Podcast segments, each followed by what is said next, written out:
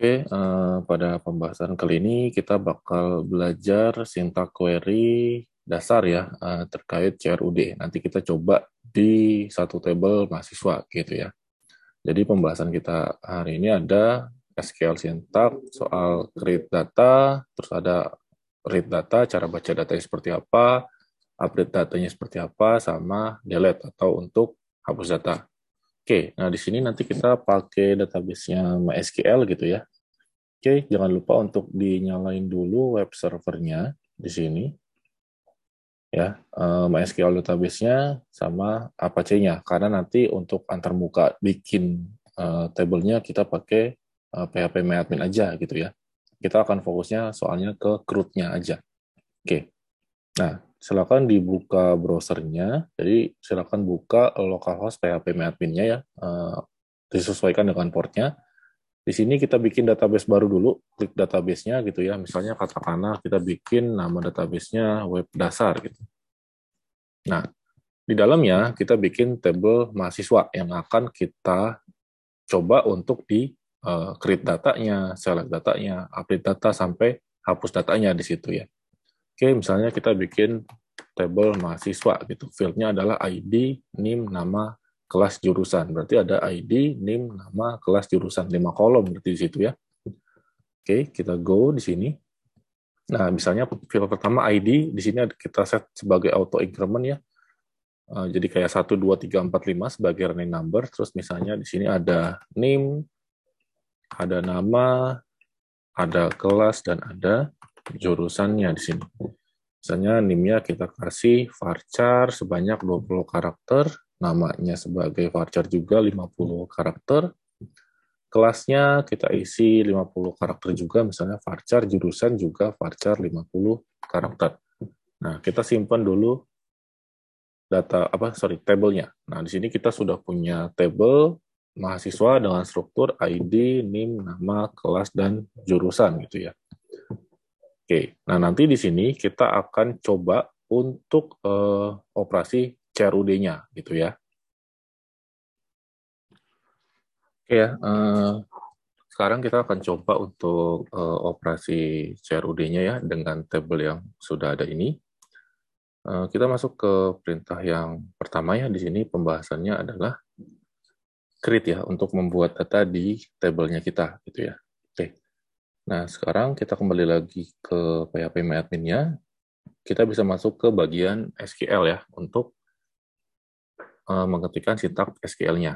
Oke, uh, pertama-tama kita harus paham dulu ya format untuk membuat data di table itu seperti apa gitu ya.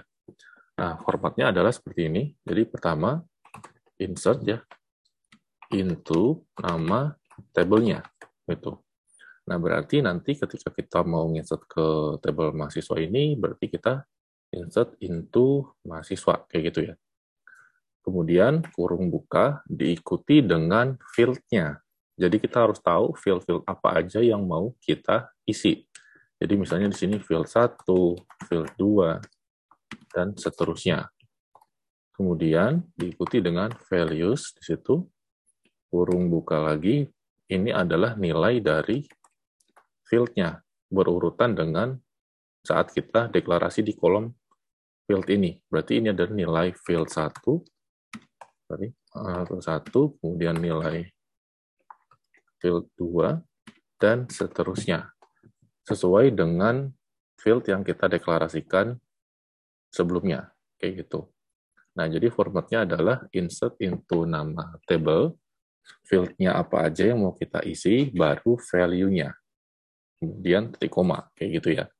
Nah, sekarang kita lihat, jadi di sini untuk table mahasiswa, kita cek dulu, Field-nya adalah ID, NIM, nama, kelas, dan jurusan.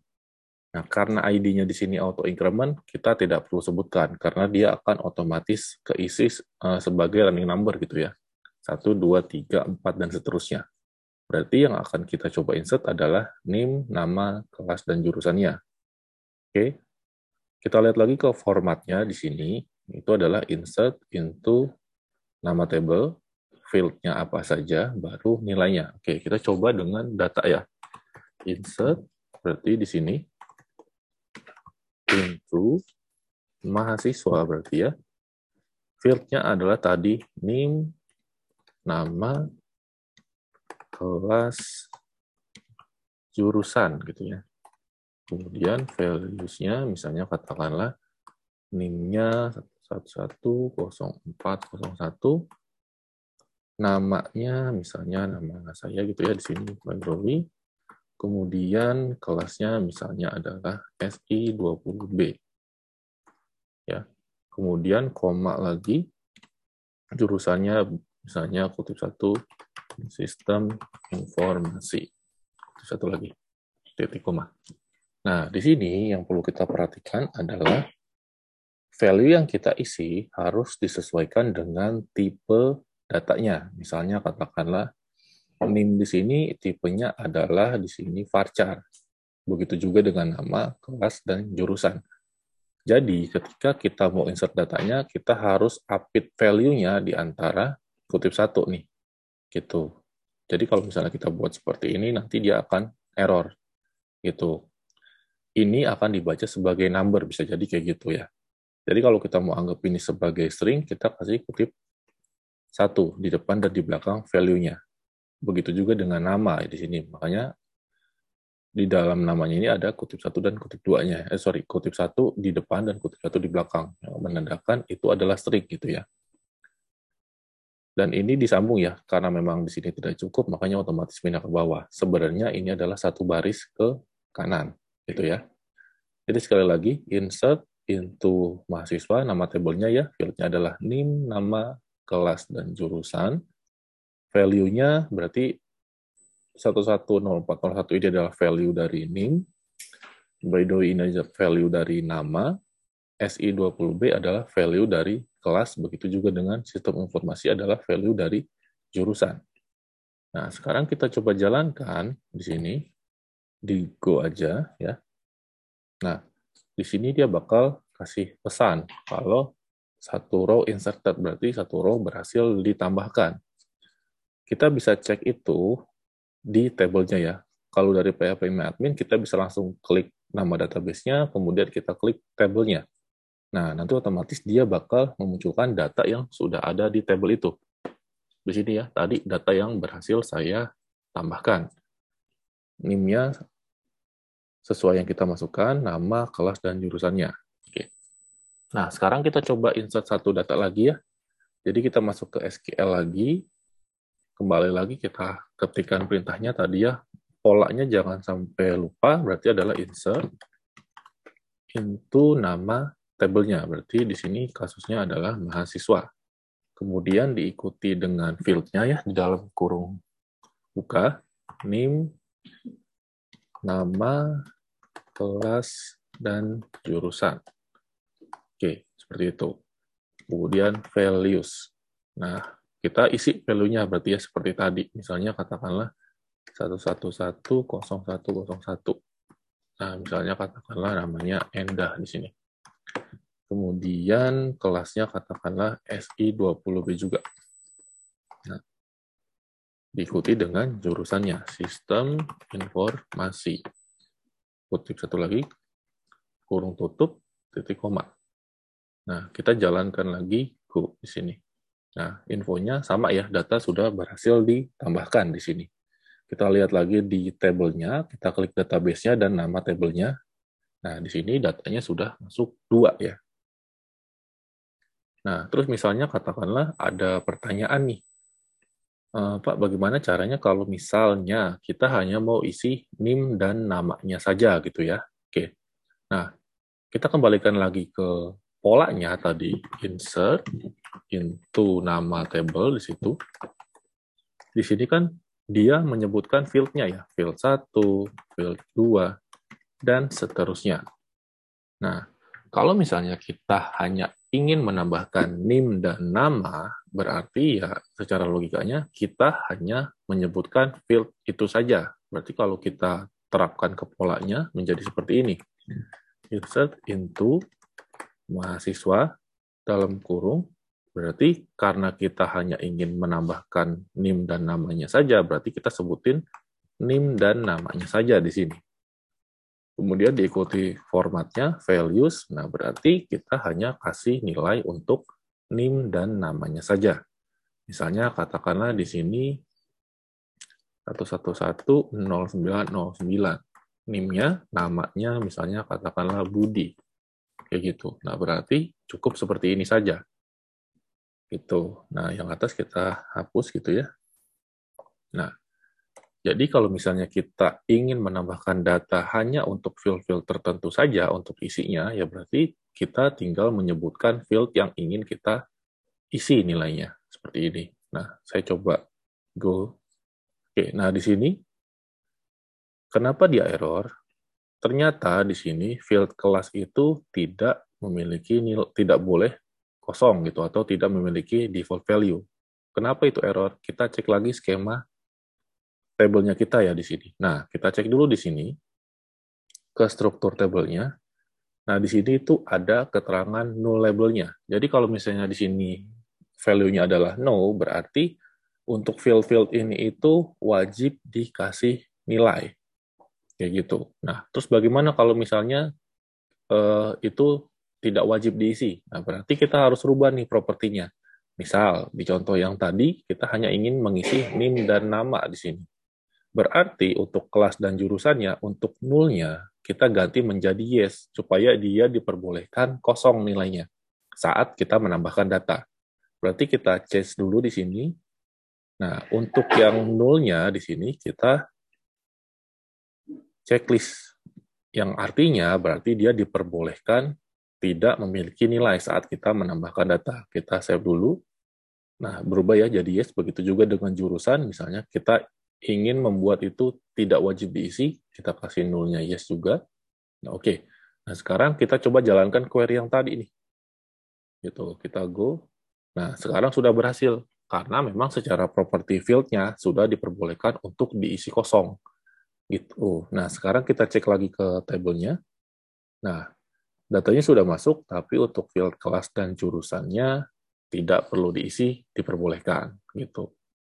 Oke, Nah, itu adalah uh, sedikit pembahasan soal bagaimana cara kita untuk menambahkan data ke dalam table ya, untuk bagian create ini. Seperti itu. Nah, oke. Okay. Berikutnya adalah kita akan bahas soal bagaimana cara kita membaca data dari sebuah table. Itu ya. Oke, kita kembali lagi ke PHP admin ya. Masuk ke bagian SQL lagi ya di bagian yang sini, masuk ke SQL lagi. Oke, kita hapus dulu query-nya.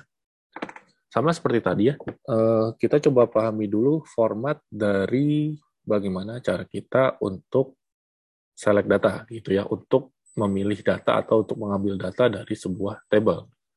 Formatnya seperti ini, select, bintang, nama tabelnya, titik koma format normalnya yang sering digunakan seperti ini. Bintang di sini artinya adalah select semua field dari table ini, kayak gitu.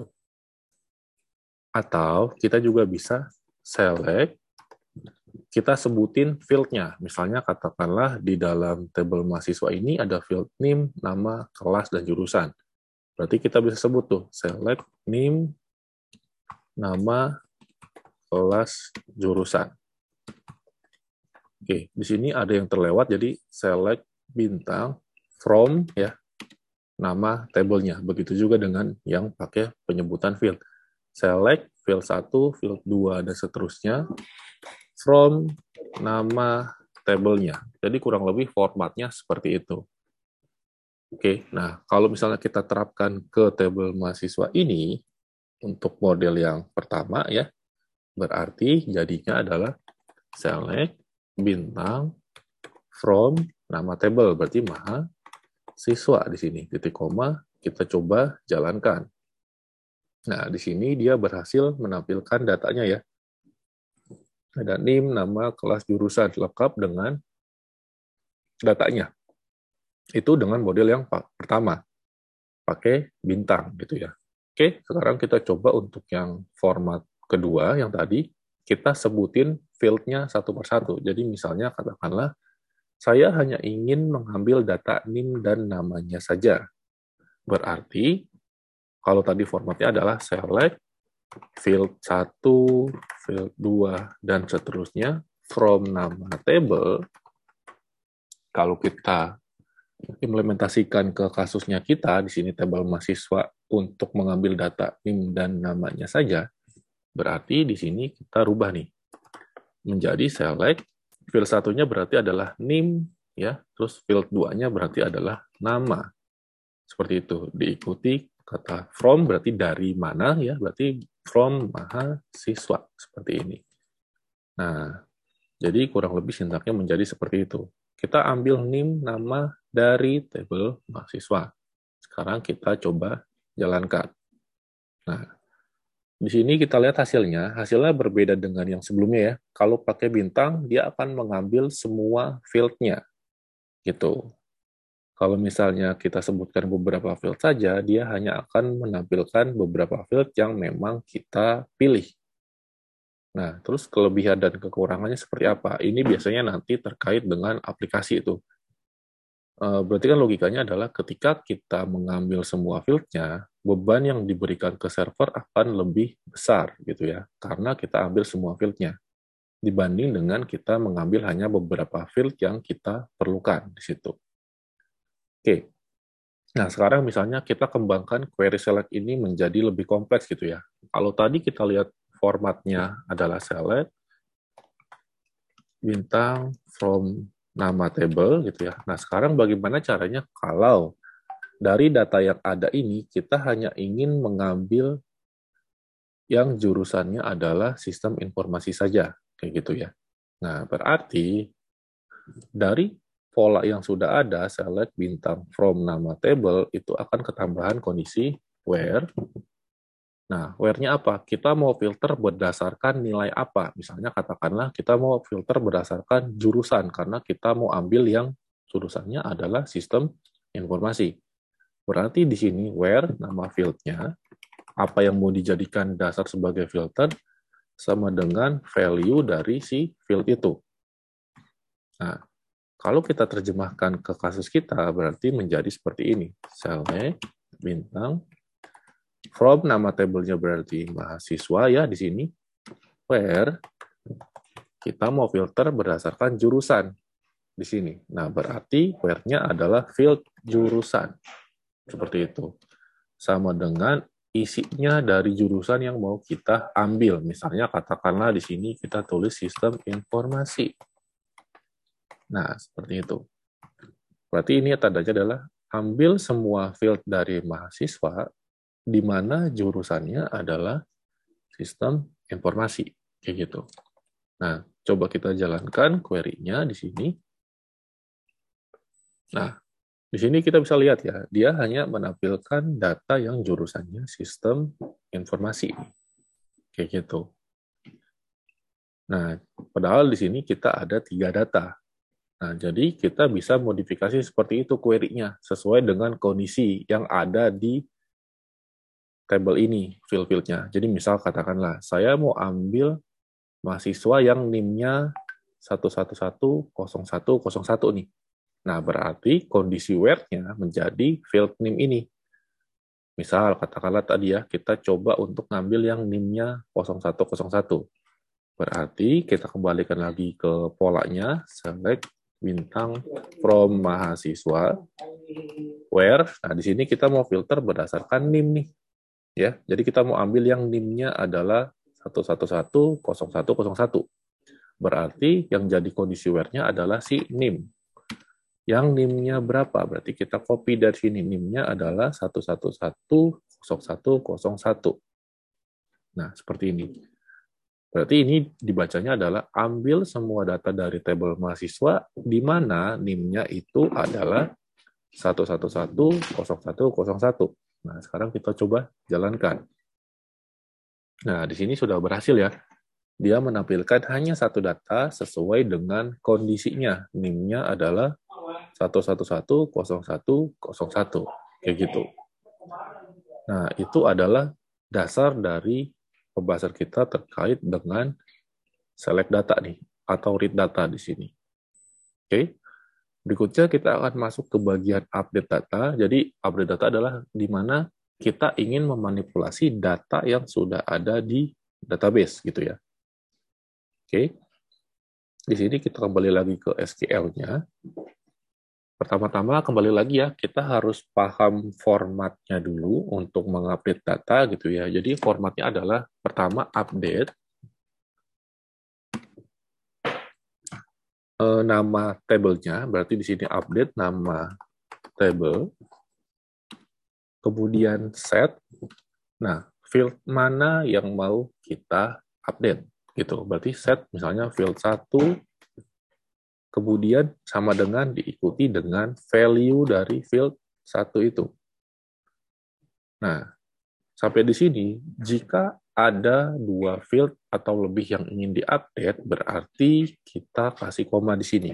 Kemudian kita sebutkan field kedua yang ingin diupdate, berarti field 2 kemudian diikuti dengan value dari field 2. Nah, seperti ini.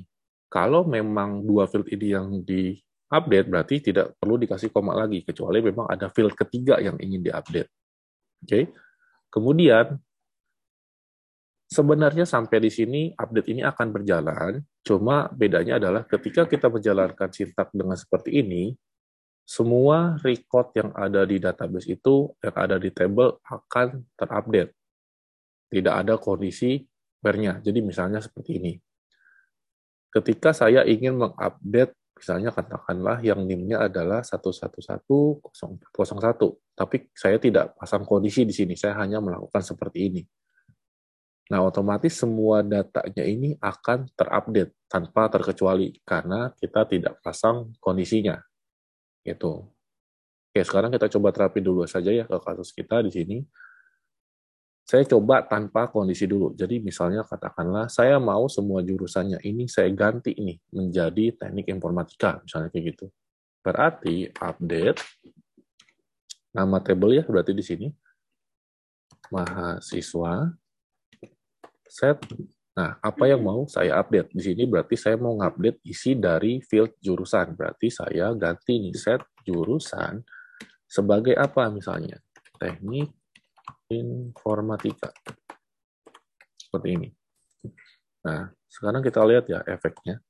Di sini secara sintak update-nya tidak ada error. Saya coba jalankan ya. Nah, tapi dampaknya apa? Kalau kita lihat ke tabelnya kita di sini, ya. Nah, di sini semua jurusannya berubah. Jadi, saat kita melakukan update itu, kita tidak dikasih tahu data mana yang harus diupdate. Jadi, seakan-akan misalnya katakanlah, di sini kan harusnya untuk yang kelasnya SI harusnya jurusannya kan teknik informatika ya. Nah, tapi karena kita menjalankan sintaknya seperti ini tanpa kondisinya, hanya mengset value-nya saja, otomatis semua field itu akan berubah. Kayak gitu. Nah, terus misalnya bagaimana Pak caranya kita hanya mengupdate sesuai data yang kita mau. Oke, jadi misalnya katakanlah kita mau mengupdate data yang kelasnya SI 20B ini menjadi jurusannya kembali ke sistem informasi. Oke, kita kembalikan lagi ke formatnya dulu, masuk ke SQL lagi ya di sini. Update, nama tabelnya, kemudian field yang mau dirubah, misalnya katakanlah tadi jurusan, kemudian value-nya si jurusan itu apa gitu ya. Nah, di sini dia mirip dengan polanya select tadi. Kalau kita mau pakai kondisi itu, berarti kita tambahin where di sini. Kita mau update berdasarkan kondisi apa? Misalnya berarti kalau di sini adalah kelas nih. Berarti nanti di sini kita taruh kelas. Kelas sama dengan, nah kelasnya itu apa? Itu. Nah, jadi kalau misalnya kita terjemahkan secara lengkap di sini, update, nama tabelnya berarti adalah mahasiswa, nilai yang mau dirubah itu apa, misalnya jurusan menjadi sistem informasi gitu ya, di mana where itu kelasnya adalah SI20B. Seperti ini ya. Jadi ini dibacanya adalah rubah data di tabel mahasiswa untuk field jurusan menjadi sistem informasi di mana kelasnya adalah SI20B, kemudian titik koma. Seperti itu. Jadi kalau saya go di sini, dua row efek, berarti dua row ikut terkena dampak dari query ini, sekarang kita kembali lagi lihat tabelnya ya. Nah, saya refresh, nah sekarang yang kelasnya SI, jurusannya sudah berubah kembali menjadi sistem informasi. Kayak gitu. Nah, berarti di sini sudah berhasil tuh untuk update datanya. Terus misalnya, Pak, gimana caranya kita ngupdate dua, dua field gitu ya? Ini kan hanya satu nih. Gitu kan ya? Nah, misalnya katakanlah kita mau update nih. Uh, di sini yang NIM-nya 1110401 dari SI menjadi TI katakanlah. Kita mau merubah kelasnya menjadi TI 20B dan jurusannya menjadi Teknik Informatika di mana NIM-nya adalah 1110401. Oke, kita masuk ke query-nya lagi di sini. Berarti kita kembalikan lagi ke polanya. Berarti update, kemudian diikuti dengan nama table ya, mahasiswa di sini. Kemudian set. Nah, karena di sini kita mau merubah dua informasi, yaitu adalah kelas dan jurusan, berarti kita sebut dulu nih. Set kelas kita rubah menjadi TI20B misalnya, koma, field keduanya berarti jurusan di sini, sama dengan nilainya menjadi teknik informatika di sini. Ya, nah di sini kan kita ada kondisi ya, kita mau merubah kelas dan jurusan ini yang NIM-nya hanya 1110401. Berarti kita tambahin where di sini. NIM-nya sama dengan tadi ya, 1110401. Nah, jadi ini tuh dibacanya menjadi seperti ini. Rubah data di tabel mahasiswa, kelasnya menjadi TI20B, jurusannya menjadi Teknik Informatika, untuk yang NIM-nya sama dengan 1110401. Nah, kalau misalnya saya jalankan, di sini dia bilang satu row, gitu ya, satu row ikut berubah. Nah, sekarang kita cek di tabelnya, apakah sudah sesuai dengan kondisi kita. Nah, di sini sudah berubah ya. Untuk yang NIM-nya 1110401, kelas dan jurusannya sudah berubah sesuai dengan kondisi yang kita buat nih di update-nya. Oke. Itu untuk bagian update gitu ya. Nah, sekarang kita akan masuk ke bagian delete atau hapus data. Oke, jadi tadi kita sudah belajar create data, read data, select dari table, kemudian untuk update data dari table. Nah, berikutnya kita akan bahas soal hapus data dari table. Oke, kita kembali lagi ke PHP MyAdmin-nya, masuk ke bagian SQL lagi ya, di sini. Oke, Pertama-tama kembali lagi kita harus uh, paham formatnya dari hapus data. Jadi format formalnya adalah delete from nama table seperti ini. Nah, cuma kalau misalnya kita menjalankan seperti ini, maknanya adalah hapus semua data dari table yang kita sebutkan. Jadi misalnya kalau kita pakai delete from mahasiswa, ini berarti maknanya adalah hapus semua data dari tabel mahasiswa. Jadi misalnya katakanlah di sini ada tiga data nih. Nah, tiga-tiganya itu akan langsung dihapus sama perintah itu tadi. Nah, misalnya sekarang kita coba hapus satu data dulu gitu ya. Nah, berarti kita mau hapus satu data nih, si Budi ini, yang NIM-nya adalah 1110909. Nah, secara format sebenarnya ketika kita mau menambahkan kondisi itu selalu diikuti dengan where. Ya. Jadi kalau kita lihat formatnya delete from nama tabelnya berarti mahasiswa. Nah, kita mau hapus berdasarkan NIM nih. Berarti kita kasih where NIM-nya sama dengan adalah NIM yang mau kita hapus datanya. Jadi dia akan menghapus satu record ini. Misalnya adalah 1110909. Nah, di sini 1110909. Nah, ini maknanya adalah hapus data dari tabel mahasiswa yang NIM-nya isinya adalah 1110909. Dia akan menghapus data yang isi NIM-nya 1110909. Nah, kalau kita jalankan, nah, bedanya dengan dua query yang sebelumnya, sorry, tiga query sebelumnya adalah karena tiga query sebelumnya tidak menghilangkan data, dia tidak ada konfirmasi mayoritas gitu. Nah, kalau di PHP MyAdmin, kalau kalian ingin menghapus data, PHP MyAdmin akan tanya dulu, yakin mau dihapus datanya, karena ini bisa berbahaya kalau misalnya ada, itu adalah data aplikasi kalian gitu ya, sembarang terhapus gitu. Nah, kita oke, okay. kalau kita yakin ini adalah perintah yang benar, nah di sini dia bilang satu data terkena efek dari query itu. Nah, kita cek data kita sekarang. Nah, di sini data Budi itu sudah terhapus tuh, berarti query kita berhasil. Kita berhasil menghapus data sesuai dengan kondisinya. Nah, misalnya katakanlah kita mau coba tuh tadi untuk hapus data dari semua table gitu ya, tapi ini biasanya kita harus hati-hati. Jangan sampai kita salah hapus data. Berarti formatnya adalah delete from gitu ya, from mahasiswa. Nah, berarti cuma cukup sampai di situ. Ini artinya adalah hapus semua data dari tabel mahasiswa. Kita coba jalankan, pasti ditanya lagi apakah kita yakin untuk menjalankan perintah ini. Ya, kita oke. Okay. Nah, dua data berefek dari query tadi. Nah, kita cek sekarang tabelnya kita. Nah, di sini data kita sudah hilang semuanya. Karena memang perintah kita adalah menghapus tadi itu uh, semua data dari tabel mahasiswa kita.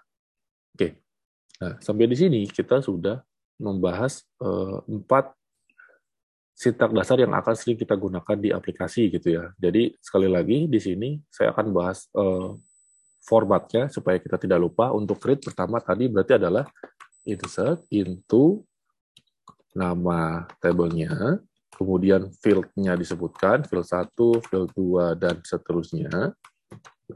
Kemudian values diikuti dengan isi field pertama, isi field kedua, dan seterusnya. Begitu ya. Kemudian untuk masalah read juga formatnya adalah select, bisa bintang atau bisa disebutkan fieldnya, from nama tabelnya, nah seperti itu ini normalnya. Tapi kalau misalnya kita mau kondisi, ya berarti kita tinggal tambahkan formatnya, select, bintang, from nama, table, where, field apa yang mau kita jadikan kondisinya. Kemudian value-nya apa, gitu ya. Nah, untuk update juga sama, kita pahami dulu lagi formatnya, berarti update from nama table di situ ya, Oke, okay, sorry, uh, update nama table di sini. Kemudian set field apa yang mau kita update, misalnya field 1, value-nya apa, value update-nya gitu ya. Kalau misalnya dua field, berarti kita kasih koma, field keduanya apa, kemudian value-nya apa. Nah, itu normalnya. Terus kalau misalnya kita mau tambahkan kondisi, ya berarti kita tinggal tambahkan kondisi setelah field-nya. Berarti update nama table, set field 1 sama dengan value-nya.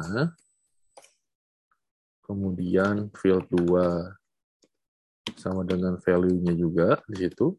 Nah, di sini ketambahan where. Berarti di sini adalah where field kondisinya apa, kemudian diikuti dengan value kondisinya. Gitu. Ya. Kemudian untuk yang delete, Nah, itu sama. Kita kembalikan formatnya ke delete from nama tabelnya. Ini kalau tanpa kondisi, berarti artinya adalah kita ingin menghapus semua data dari tabel itu. Nah, kalau misalnya dengan kondisi menjadi delete from nama table where field kondisinya apa di sini diikuti dengan value dari si fieldnya seperti itu. Nah, ini adalah uh, apa yang telah kita pelajari hari ini. Oke, nanti silakan dicoba dengan soal yang memang sudah ada di file yang berbeda ya.